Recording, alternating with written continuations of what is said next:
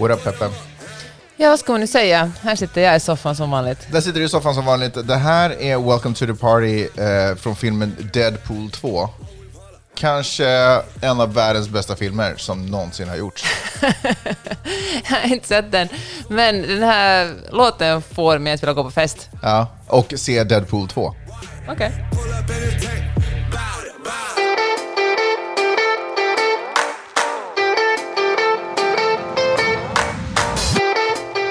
Lyssnar på Magnus och Peppes podcast.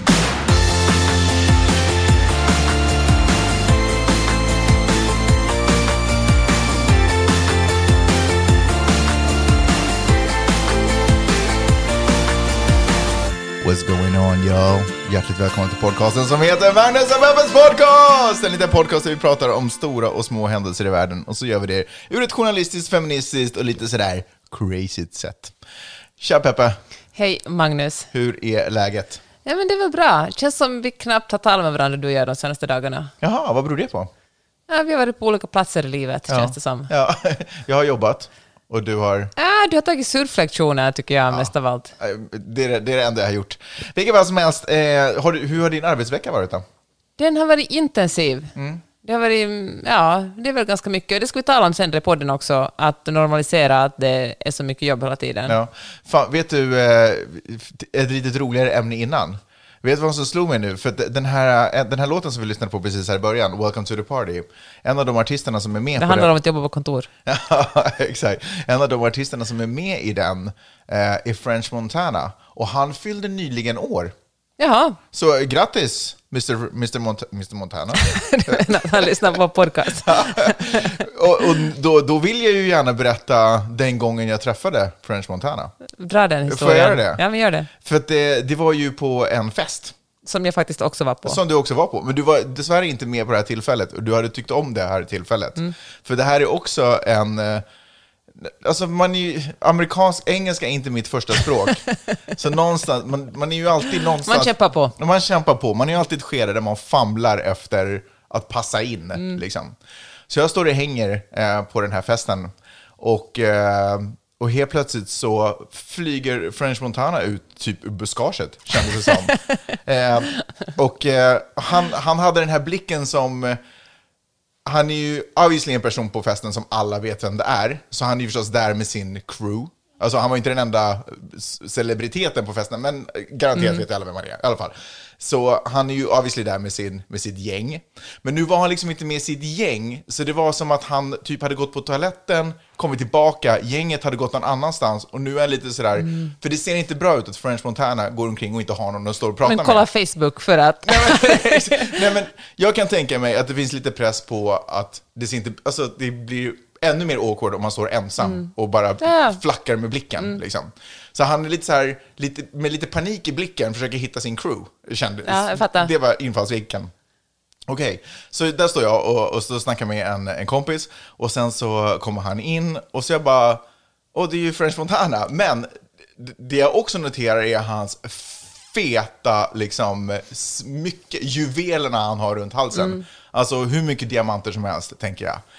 Eh, du gillar ju sånt. Du gillar ju verkligen mycket bling. Vem älskar inte bling? Ska vi säga så här att min, eh, jag vet inte om det var vigselring eller förlovningsring, men min har en diamant, din har nio. Tio.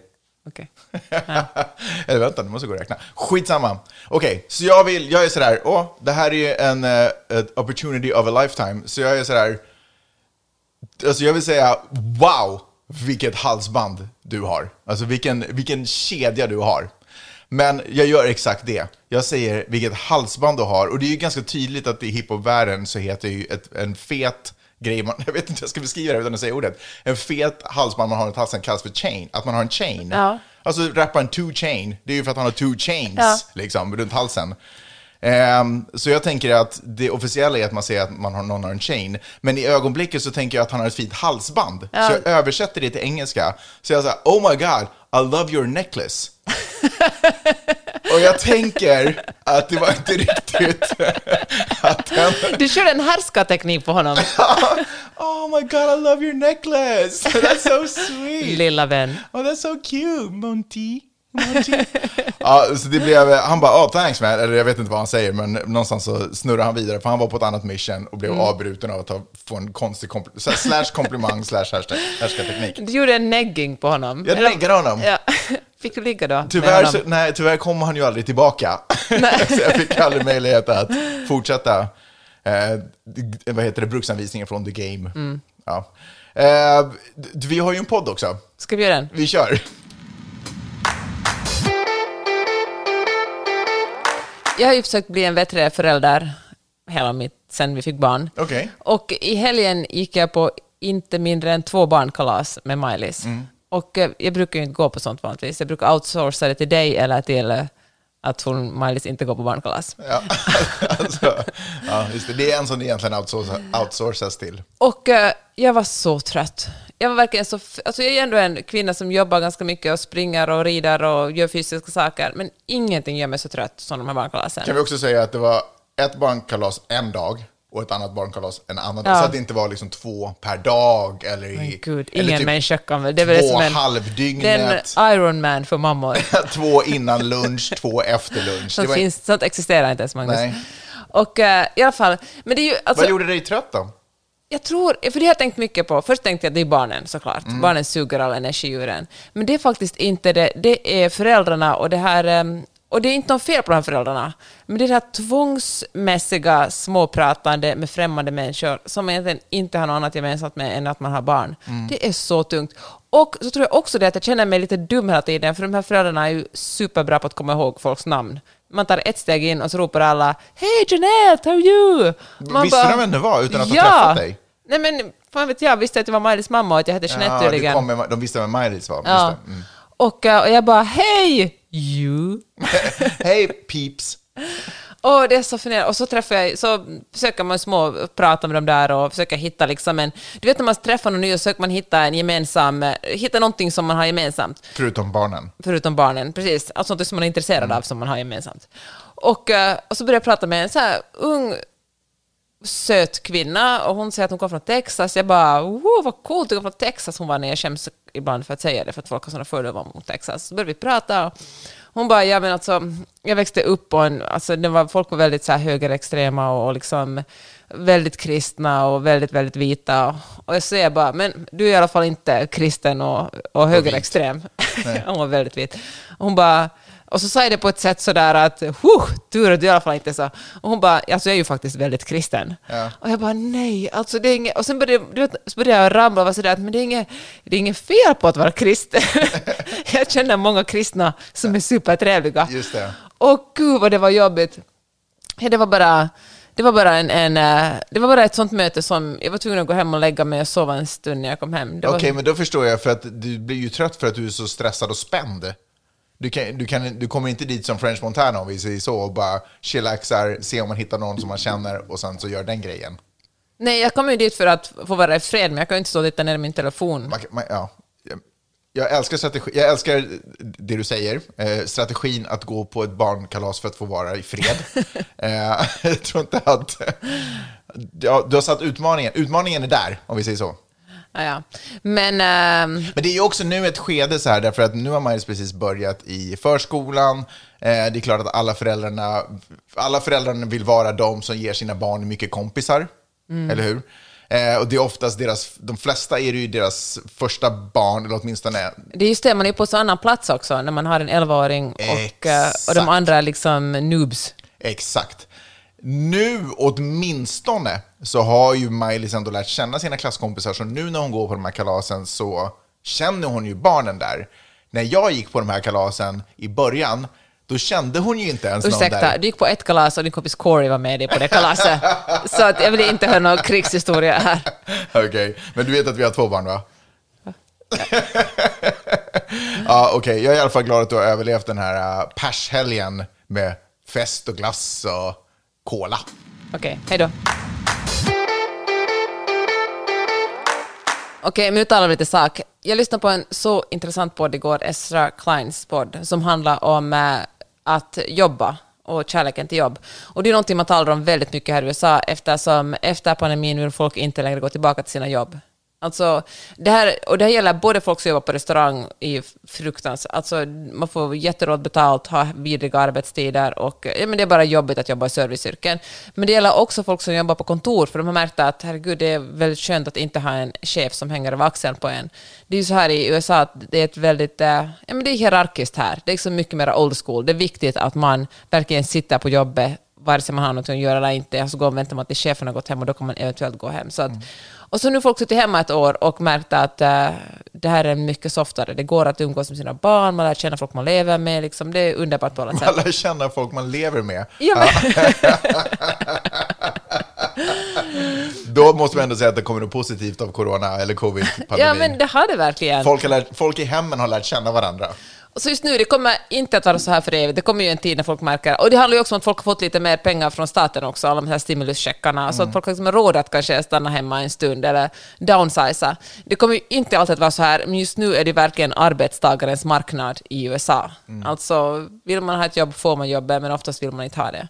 Och det gör ju saker och ting väldigt spännande eftersom det här eh, gör att ett folk som har varit ganska kuvat under arbetet... amerikanerna tror att de är så otroligt fria, men de har ju varit, de har ju varit alltså löneslavar, det kanske fel att använda ordet slav, men liksom folk har verkligen varit så beroende av sina jobb eftersom jobbet ofta kommer med en sjukförsäkring och jobbet kommer med liksom, och också det att man kan bli uppsagd när som helst och då kanske man förlorar allt, så därför har folk varit väldigt hängivna på sina jobb. Men nu ser man på något sätt hur liksom den här världsomställningen kastas om. Och eh, då talade om den här podden om någonting som folk som jobbar i kundservice, eller överhuvudtaget serviceyrken har upptäckt, och det är emotionellt arbete när man jobbar med andra människor. Alltså inte bara det jobbet, du kommer på jobbet och ska du kanske sälja kaffe, så du lagar en kaffe och sen tar du emot, säger vad det kostar och tar emot pengarna, utan du ska också finnas där för kunderna. Och under pandemin har folk varit extra otrevliga, men också extra ensamma. Folk har varit rädda, folk har varit ensamma. Så de har kommit till eh, men, kaféer och affärer bara för att snacka med folk. För att de kanske inte har träffat någon på en vecka och nu vill de prata med någon. Då ska den här människan som jobbar där också finnas där som någon slags emotionellt stöd. Och då tänker man ju så här att, men vad fan, det är väl klart om det kommer en ensam person, det är klart att man ska ställa upp och vara lite trevlig. Men det är också ett ganska tungt jobb att göra det här hela dagen vid sidan av sitt jobb. Att eh, vara emotionellt där för andra människor. Alltså i, i Men flyg... vänta, är det här vilket land, var- är det USA. här? I USA är det här ett problem? Ja. Här Uppen... snackar ju alltid folk med varandra. Nej, men inte på det här. Men tydligen, ja inte det på gör det här de. djupa sättet.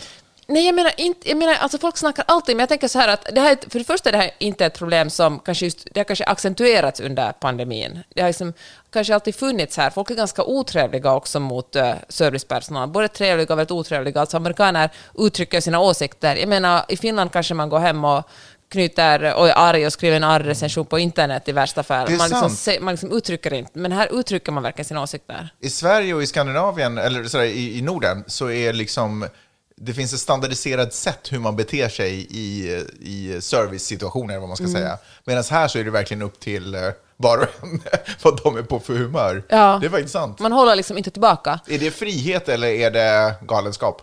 Är det, vad, heter, vad är liksom entitlement på, på svenska? Självberätt, självupp... Man känner själv- sig självberättigad, ja, berättigad att, att ta för sig och göra vad man vill.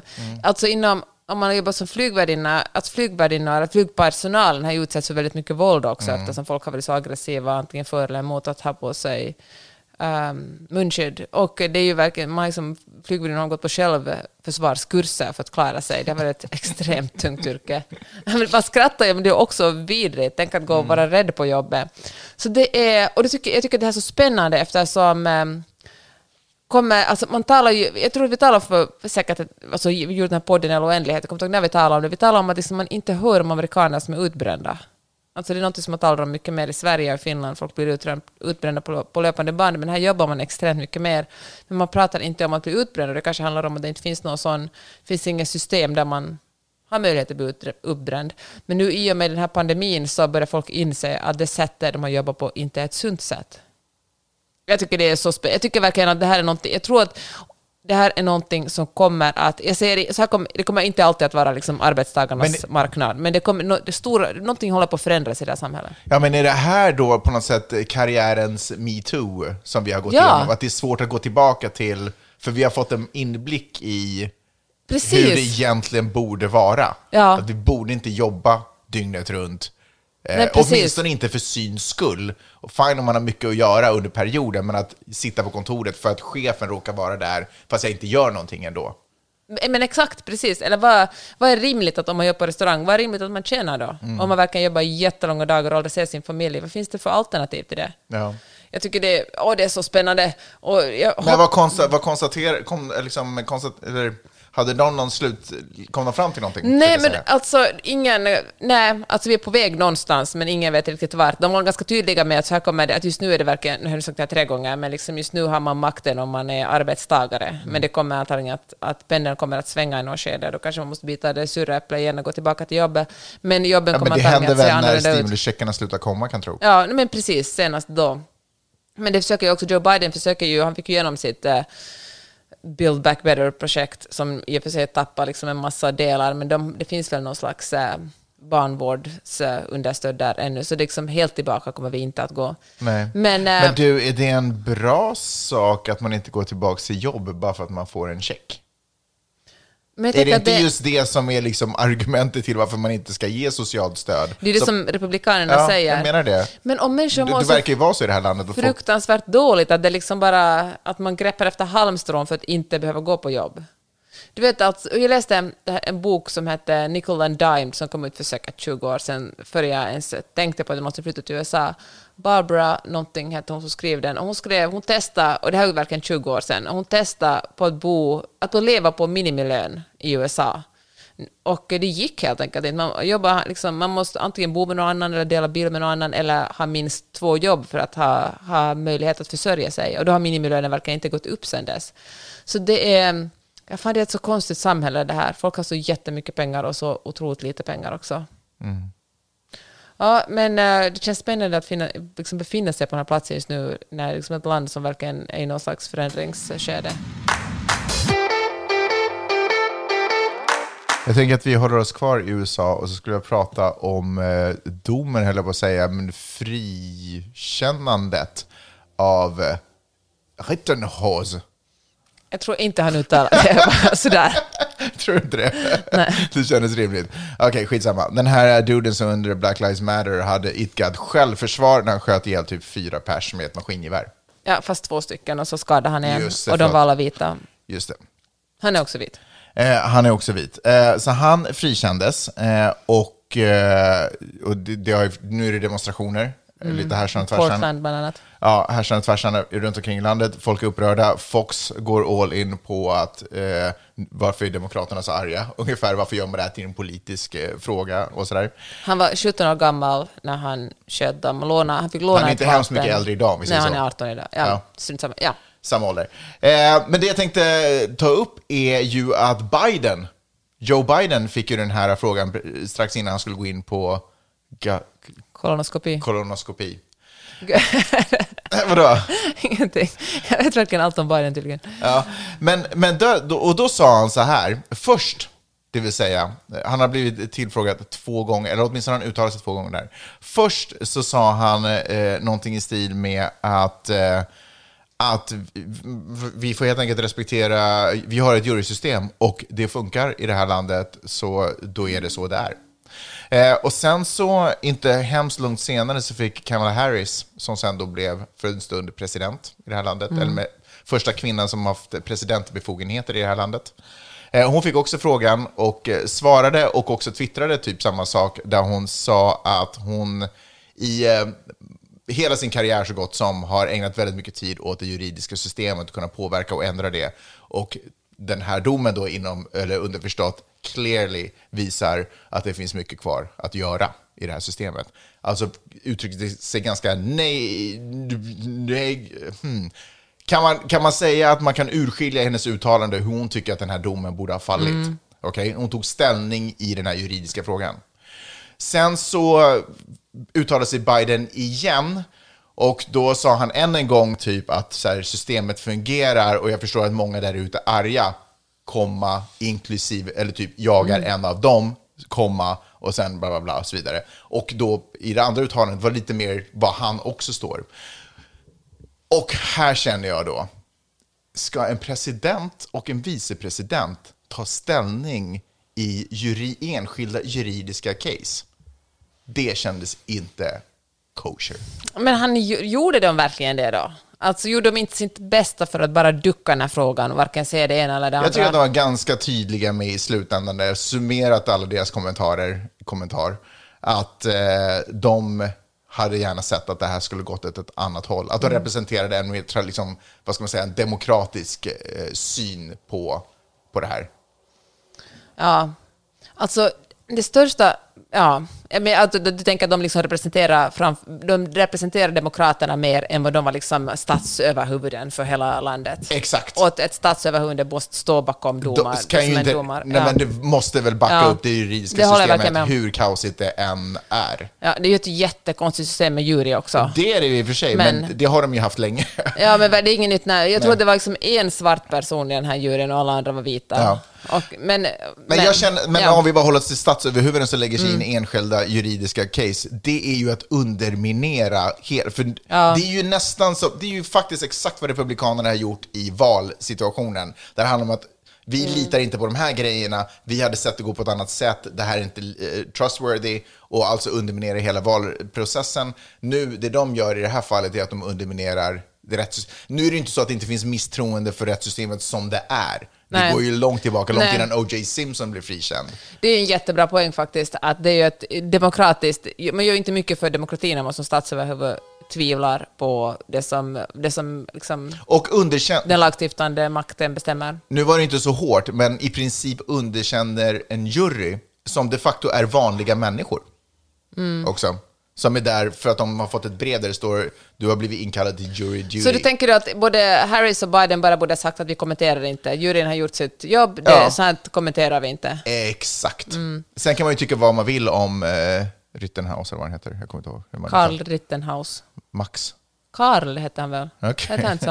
är du säker på att det inte uttalas Rittenhouse då? är det faktiskt. Kanske någon gång i tiden uttalades så, men nu är det amerikaniserat.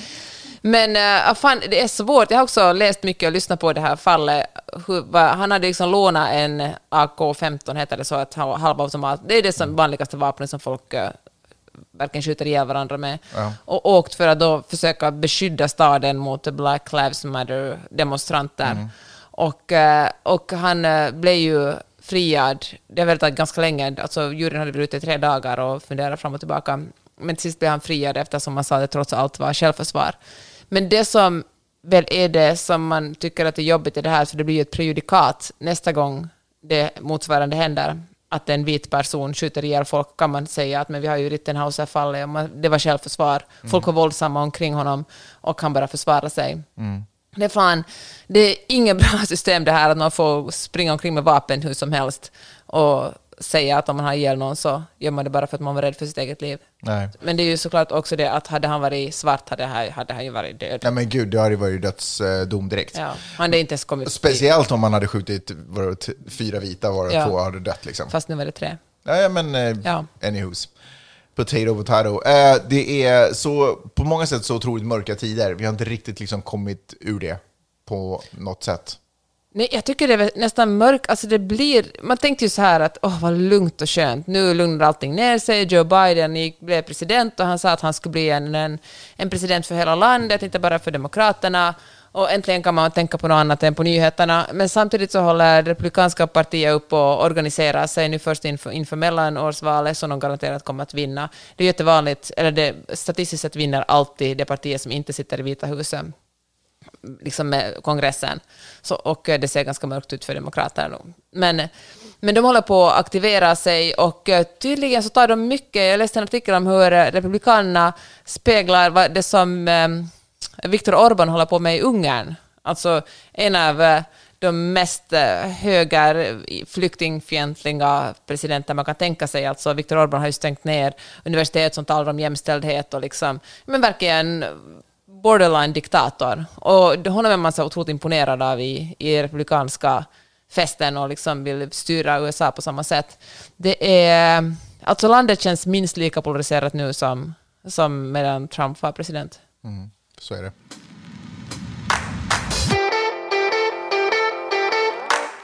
Tänker du mycket på inflationen här? Ja, det gör jag. Gör du det? Nej. Nej, jag tänkte väl, du tänker väl aldrig på pengar? Fast jag vill inte att mina pengar ska bli mindre värda. Nej, alltså inflationen är väl 6 procent just nu. Jaha, det här Det- året eller vadå? Ja. Förra året? Ja. Nej, det här året, alltså just nu. ja. Det Om man- känns ju som tidigt att säga, men okej, jag tar det. Nej, men man, man kan Oj, nu är bängen där ute. Får ni höra lite hur det låter i vilda västern. Okej, nej men vad säger jag? Inflationen är på 6 procent. Ja. och det är ju jättehögt. Det är inte bra alls. Nej, och eh, Jag tror folk, att i Sverige motsvarande kanske ligger på 2-3 någonstans. jag tror att man siktar på 2 procent, det är väl ganska så här normalt. Och, eh, och då hade man tänkt sådär att ja, ja, men det handlar om och du ser, stimuluscheckarna, det handlar om att eh, ja, men, eh, det ena och det andra, vissa människor tjänar jättemycket pengar under pandemin. Men vänta, det är ju asbra för oss som tjänar eh, kronor. Ja. Ja, Men jag tror att man i Sverige också är lite stressad över inflation faktiskt. Jaha, Men än så länge så är det värre här. nice. Men eh, Eller, ja. det är ju ing- det är ingenting som, eh, som är bra för demokraterna det heller.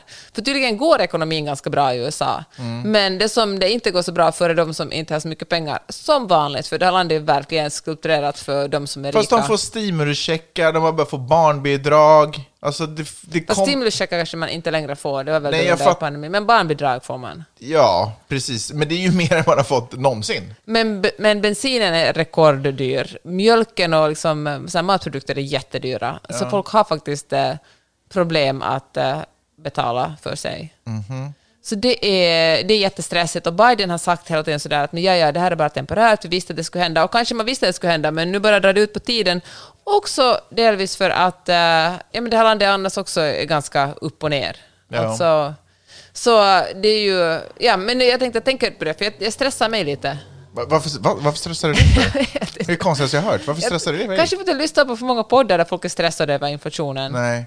Eh, nej, det stressar inte mig alls faktiskt, ska jag säga. Jag skulle säga att det är på minusstrecket av stress. Eh, men däremot så, just det här, eh, alltså det här landet är ju eh, styrt så att de flesta, eller alla stater har ganska mycket egen, egna möjligheter att styra, för att alla stater har olika behov. Delstater, ja. Delstater, förlåt, delstater. Eh, men det, i, i och med att allting är så sjukt polariserat nu så blir det ju så...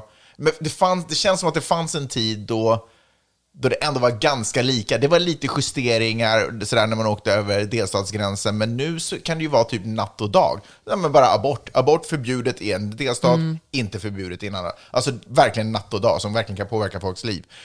Och då blir det ju sjukt kaosigt när det inte är liksom, då skulle man ju verkligen behöva att det finns någon form av federal styrning. Så att, det liksom, så att alla lite kan börja åka åt samma håll. För nu finns det ju delstater som vill åt helt motsatt håll. Eh, Versus andra delstater. Förstår du vad jag menar? Jag förstår, men Ekologi, alltså allt liksom. Ekologi. Ja, det, är- det är det officiella ordet för... För de som är födda på 70-talet. Ja, men allt är nämligen ett, ett ekologiskt kretslopp. Nej, men jag, jag försökte hitta miljöfrågor. Klimatfrågor. Klimatfrågor, tack.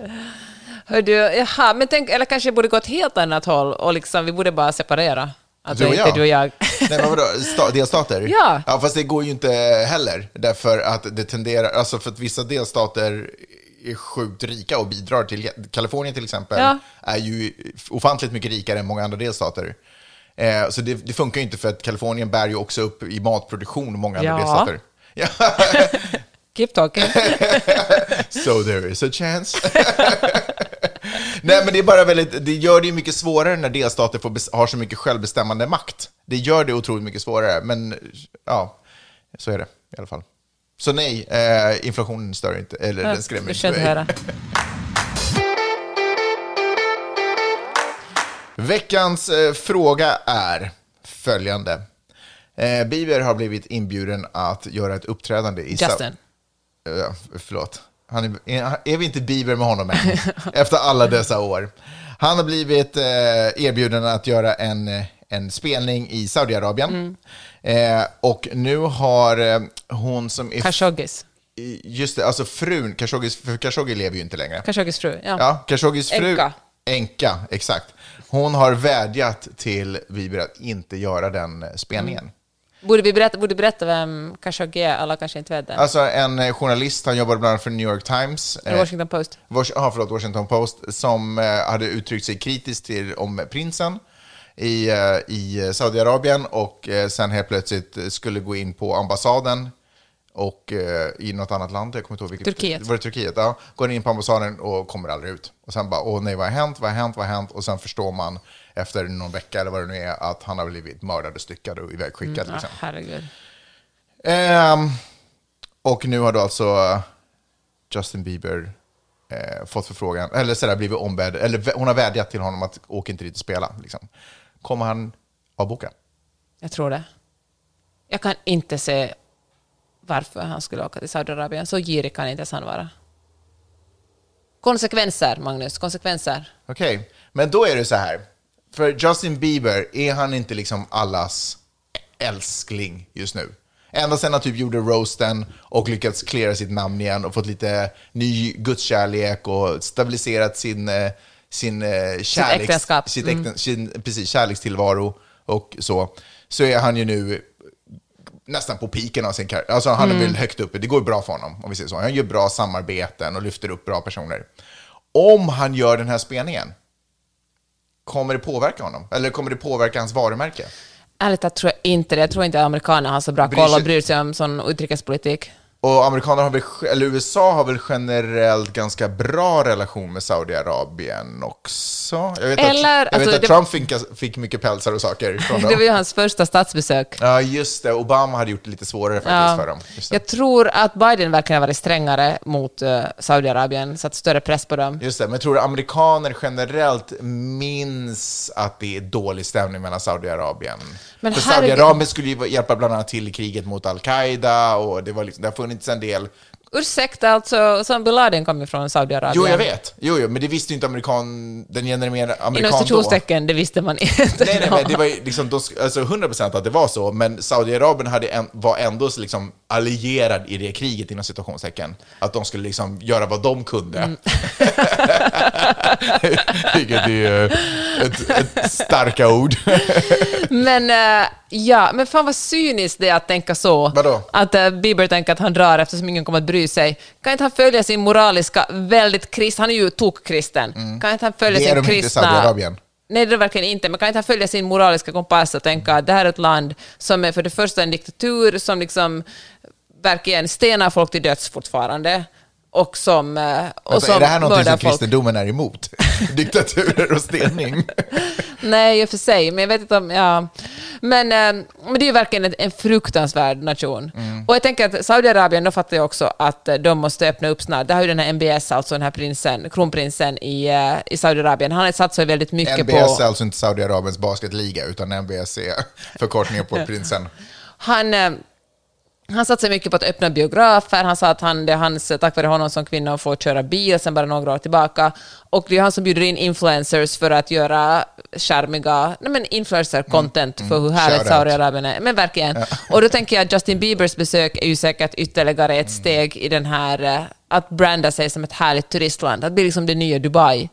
Och eh, det är ju bara motbjudande. Alltså jag tänker, så länge man det inte finns någon fri press, alltså man stenar ihjäl journalister och, och liksom det inte finns mänskliga rättigheter, Styckar dem de facto. ja men verkligen, så kan inte man bara hålla sig från det landet och sätta lite press på det istället, att de styr upp saker och ting och är lite schysstare. Sen kan Justin Bieber åka dit och hålla sin konsert och först fira det. Det här argumentet då, att hålla kommunikationskanalerna öppna.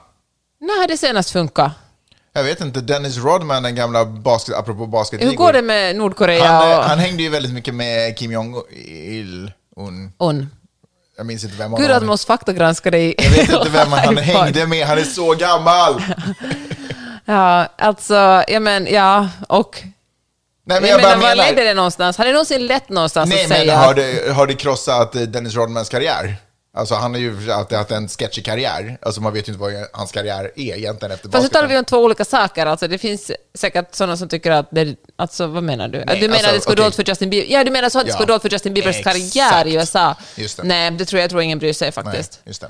Nej, tyvärr. Men eh, här finns en i soffan som gör det. Kommer din eh, kärlek, din låga för Justin Bieber att svalna? För typ, min låga har aldrig brunnit. Jag har ju sett honom live faktiskt. Mm. Men inte ens då tändes min låga. Det var ju roligt att gå på konsert, men eh, i eh, Staples Center, det som numera heter Crypto Currency. ja, Men du, Center. du gör ju också en podcast, en annan podcast menar jag, eh, som heter Skåpet, där du har två kollegor, varav en, Cecilia Blankens, är ju eh, eh, ohälsosamt kär Ja. i eh, Justin Bieber. Det var med henne jag var på konserten. Ja, men det förstod ju alla. Men, eh, men tror, du att hennes, eh, tror att hennes inställning, för hon är ju också en person med moral, eh, moralisk kompass och värnar mycket om rättvisa och, och att det ska bli bra. Liksom. Kommer, hon, kommer hennes kärlek att få sig en törn, tror du? Jag måste fråga henne i skåpet, det var en jättebra Jag tänker att hon fråga. får representera liksom Justin Biebers fanbas och uppåt. Jag tror hon förlåter honom för ganska mycket. Mm. Men... Uh, Att eh, parta i Saudiarabien. do that.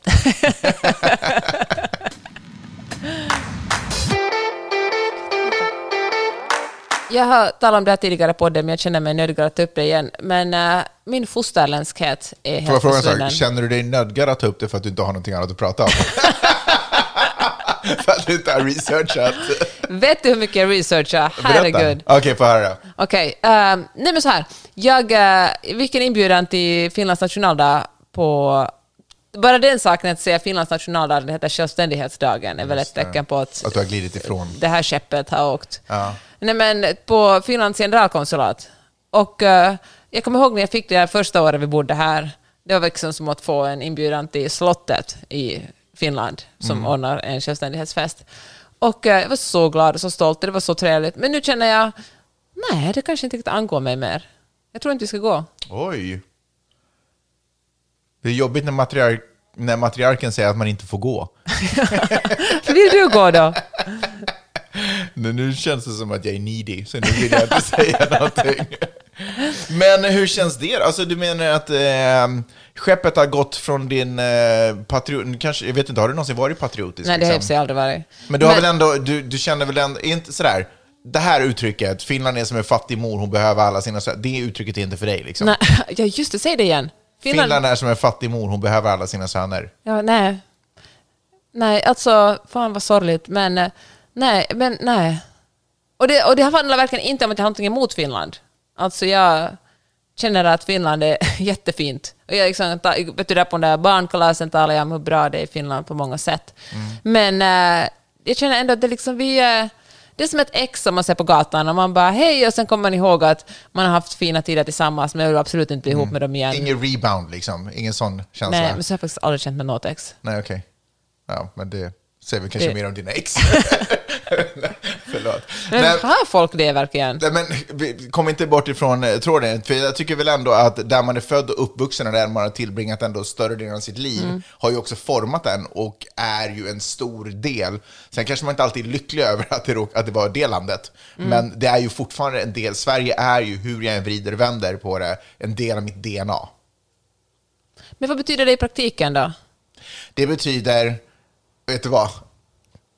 Det underliga är faktiskt att jag kanske ändå känner starkare för Finland än vad jag känner för Är det Sverige. sant? Ja, det är faktiskt det är jävligt mystiskt. Men du vet, det, det ställdes på sin spets. Eh, Du vet den här frågan som man ibland får när man ansöker om eh, intervjun man gör inför medborgarskapet. Mm. Och då kan en fråga vara att eh, skulle du gå i krig? Alltså om du vill ansöka om amerikanskt Ja, medborgarskap? om, du vill bli, Ja. Mm. om du ska bli amerikansk medborgare så måste du göra en intervju innan. Och en fråga under den intervjun kan vara, går, skulle du gå i krig mot, i mitt fall då, Sverige eftersom jag är svensk medborgare?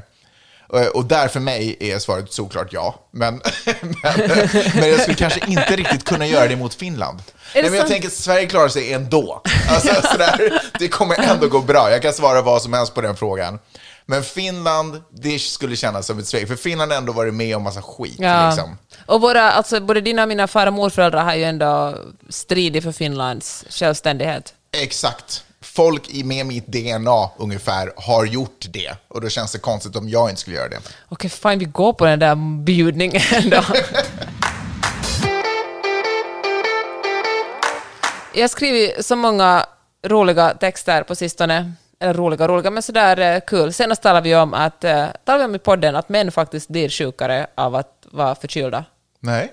Jag skrev, det, det finns bevis på att män har sämre immunförsvar än kvinnor. Jag har ju sagt det hela tiden.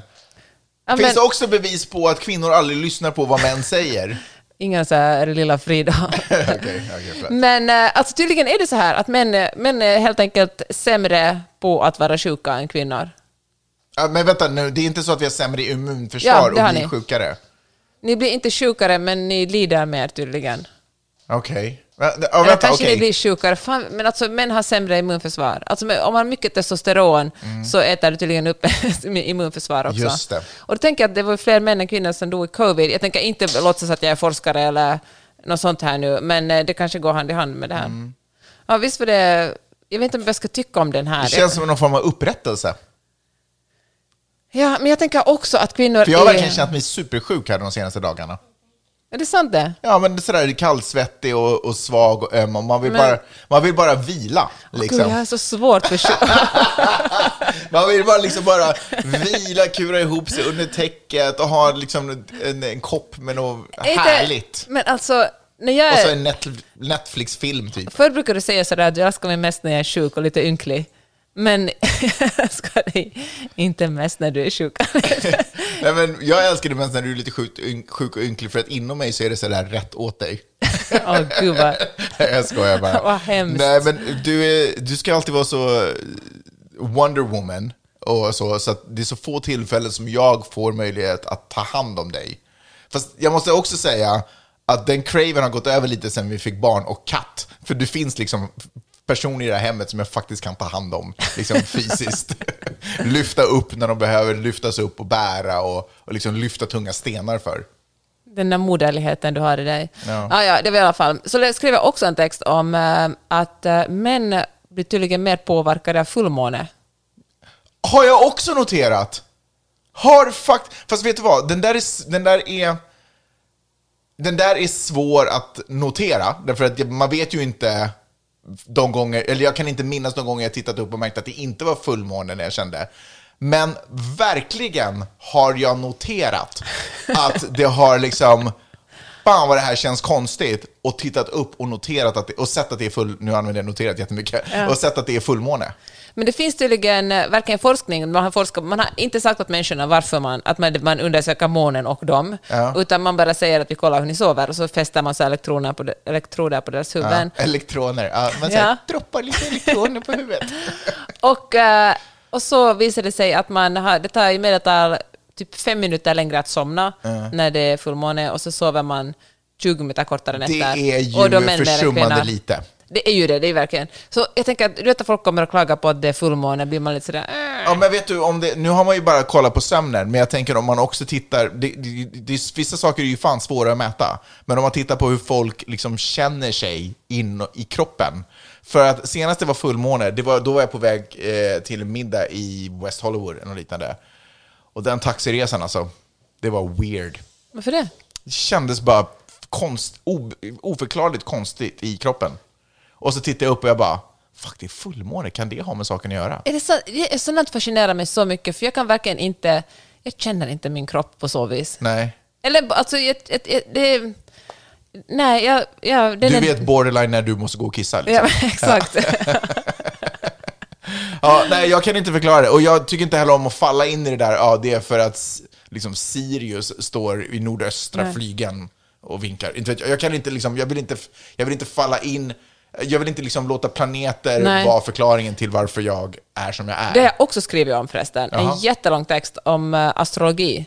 Det är faktiskt, nu, nu, tar, nu vet jag nu talar nonsens en stund, men det här är faktiskt superintressant. För att eh, astrologi har ju funnits i hur länge sedan som helst. Liksom, eh, sen, ja, men det var väl typ de- en av de första vetenskaperna. Ja, liksom, fast det är ju ingen vetenskap. Men, Nej, fast då trodde man att det var det, för Verkligen. man försökte studera världen. Och då liksom. börjar man, då börjar man eh, forska, liksom, eller se på stjärnor, himlakropparnas konstellationer, för man ville veta framtiden för hela riken. Hur man bara, logiskt som helst. hur kommer det gå för den här nationen? Ja. Sen eh, långsamt så blev det ju människan mer fokuserad på individen och då började horoskop handla om personen. Liksom, Mm. Är man ett lejon? Är man, eh, som jag då händelsevis råkar vara?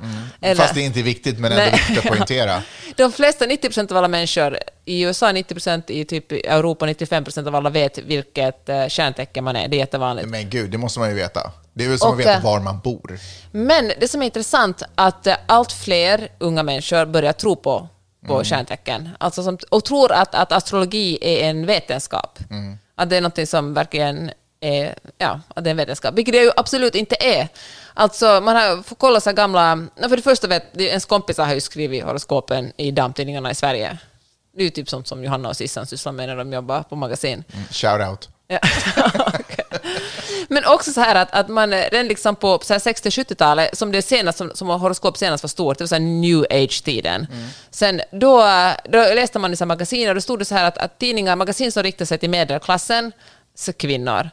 Då var det så här att, att eh, det lönar sig att spendera mycket pengar nu, och ut på resa, du kommer att upptäcka spännande saker. Medan folk som jobbar, tidningar som riktar sig till folk som var i arbetarklassen och inte har råd att resa och göra med pengar, då så var det mycket så här att satsa på dina relationer, det är viktigt att du har dina barn. Och eftersom de här horoskopen alltid riktar sig till kvinnor var det också mycket så där, undvik konfrontationer, det är viktigt att du är samarbetsvillig, det är viktigt att ta hand om folk i din närhet. Oj, samar... får jag bara fokusera på felsägningen du sa där, som jag ändå skulle vilja lansera som ett nytt ord. Samarbetsvildig. Det är viktigt att du är samarbetsvillig. Wow! Wow, så mycket associationer. Jag älskar det. Ja, förlåt. Ja. Var samarbetsvillig. Och eh, ja, men, visst är det spännande. Alltså det, och, eh, så det fanns verkligen ingenting som hade... Ja, men det finns ingen fakta i det. Men, ef- men ju os, osäkrare tider, så det, efter börskrascher, 1929 när den stora börskraschen, då fick eh, horoskopet uppsving i Europa. Så gick det ner igen, new age-tiden. Seanser var också populärt då. Jaha, ja, men, för det går hand i hand. Alltså så här, tarotkort, eh, medium, allt sånt, det är jättestort nu och riskkapitalister går in med hur mycket som helst. För att eh, 2008, i och med den stora ekonomiska krisen, då, då, då, då, var, då satsade folk också på astrologi. Alltså alla mina influenspoddar pratar, höll jag på att säga, dagligen om eh, liksom, eh, möten de ska ha med sitt medium Ja. och liksom... Det finns så sinnessjukt mycket pengar i den här. Det är liksom en ny wellnessindustri. Och såklart, när Trump blev vald, då, då liksom gick de upp ännu mer och sen i och med pandemin när folk var rädda och osäkra, folk helt besatta av horoskop och tarot och eh, medium. Det är, så om man ska investera sina pengar i någonting så är det en växande bransch och folk tror allt mer på den. Det handlar också om det att folk tror allt mindre på Gud, alltså att fler amerikaner speciellt går ur kyrkan, det är samma sak gäller väl också i Europa, och då letar man efter någonting annat att eh, tro på. Undrar varför man byter ut eh, Gud mot liksom, horoskop? Men jag tror att det finns någon slags... Man Därför vill, att man kan se planeter, liksom, eller vadå? Och det känns mer trovärdigt. Nej, men jag tror att man söker någon slags eh, trygghet och någon slags förklaringar. Jag tror att människans hjärna, hjärna vill alltid ha en logisk förklaring på Och då är allting. min nästa fråga, om nu pendeln är här borta, liksom, kommer vi komma till en period då folk lämnar liksom, tarot och sånt och går tillbaka till Gud? Säkert. Och religion och bara, Ja. nu är det fan det som är grejen. Jag tror det. Det alltid ska det vara någonting. Och det är ju någonting... Under alltså- civil rights movement här i USA så var ju liksom islam blev ju räddningen också för ganska många liksom afroamerikaner, eller vad man nu säger, svarta, svarta amerikaner. Det visste jag inte. Ja, men det är för att det på något sätt gav struktur. Alla behöver tillhöra en klick och tillhöra en ordning Ja. och tillhöra en familj. Och eftersom om man inte liksom... Men, många hade inte många familjer att välja annat än kanske gäng på gatan. Mm. Så då blev det här på något sätt en, en sundhet och en friskhet. alltså Ett bra Ett sammanhang. bättre alternativ Ja. att gå till. Ja, intressant. Hittade oftast i, kanske i fängelser och sånt eh, och blev liksom, ja, Men vad säger du? Vad starka ledare också hjälper ju förstås. du är liksom, vad tycker du om horoskop? Vad jag tycker om horoskop? Jag tycker... Mm. Är du en typisk jungfru? Jag är en, jag vet inte riktigt vad en typisk, jag vet att jag ska vara petig. och ha mag- Anal och... eh, Petig, anal och magproblem, det är ungefär. herregud, det är ju du. Ja, men jag vet inte om det är därför jag har snappat upp just de tre orden. Mm, men så är det väl. Eh, jag tycker, du vet, som underhållningsform, varför inte? Jag ser konstigare saker på TikTok, om vi säger så. Men jag tycker det är väldigt ledsamt och, eh, och det gör mig typ arg när jag hör att man i anställningsintervjuer inte går vidare för att man tillhör ett horoskop. Nej, men det kan väl ändå inte hända? Ja, så är den som för intervjun 25 år och in i den klicken eh, och in i det tankesättet så klart att det påverkar. Alltså det är... Ja, men är inte det liksom, du vet det här som man snackar som är, har väldigt lite koll på det här att man är blå eller röd eller Ja, gul. Är det inte det är fucking väl exakt samma sak. Det är väl samma sak. Så bara, jaha, du är en röd person. Nej, men vi söker en blå till vår fucking, eh, inte vet jag, avdelning. Borderline, jag vet att folk kommer bli sura, men introvert och extrovert. Alltså, när man säger att folk är... Alltid man ska kategorisera in människor i olika kategorier enligt hur de är. Men det är också sådär, alltså, fan whatever. Jag har inte läst på det där, jag vet inte, jag vet inte vad det innebär. Men överhuvudtaget att kategorisera människor är ju ett ganska det, utes- det, det är som att säga att så här, du ska vara så här som kvinna och du ska vara så här som man. Det, det tar ju bort så mycket annat som jag också kan vara. Och det är klart att om du talar om för mig att du är en blå människa, vilket betyder att du är huvudsakligen så, kanske lite så, lite så, lite så, så kommer jag ju kanske också... Så Ja, det tror jag. Man matar ju det som folk säger att man är. de flesta av oss är ju får. Alltså det är ju väldigt få av oss som, vet, som står med båda fötterna på jorden och vet exakt vilka de är, som inte bryr sig om vad andra säger. Så att jag till exempel, som är ganska tydligt ett får, skulle vara så här, om du håller på och matar och talar om för mig vad jag är, så det är klart att vi kommer börja leva upp till den bilden. Liksom.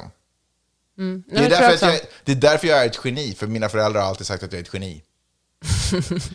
Nej, men förstår du vad jag menar? Ja. Jag tycker att det, det är tråkigt med de där att du är så, du är jungfru, du är ditten och datten. Men kan jag också få vara lite andra saker? Det som eh, enligt många, jag läste ganska många intervjuer med jätteframgångsrika 24-åriga astrologer, Och jag tror du skulle säga jätteframgångsrika kräftor. får. Ja. Ja. Nej, men, eh, och då var många som sa att, de, eh, att man vill lite komma bort från det här att, att eh, man ser framtiden i, i stjärnorna, men att bli mera en slags livscoacher eller liksom någon slags... Ja, men man, astrologin håller på att glida in till att bli någon, slags, man är en, någon slags form av andlig ledare eller coach eller terapeut till människor som söker svar på varför deras liv är jobbigt. Och eh, Mercury in retrograde, jag är ledsen, men det finns inga som helst bevis på att eh, det är en dålig tid i människans liv. Det finns inga som helst bevis på att det pågår längre heller. Det var för ett tag sedan. Vilket roligt att du vet sånt. Ja, jo, men för att jag jobbar med poddar som vet sånt. Men eh, jag tycker också, bara som en liten parentes, jag tycker också det beskriver ganska mycket folks världsbild och hur nära man tror att planeter är oss egentligen. Och man, liksom inte, man har inte riktigt förståelse för de här enorma avstånden som det handlar om. Att en, en blinkande stjärna liksom miljontals ljusår härifrån skulle påverka, alltså, Orka ditt liv. Ja, men vet du vad? come on man. Som du sa, alltså det är väl, eh, så länge man fattar att det är underhållning och det är kul. Vi tittar ju också på filmer och Exakt. liksom, det är ju...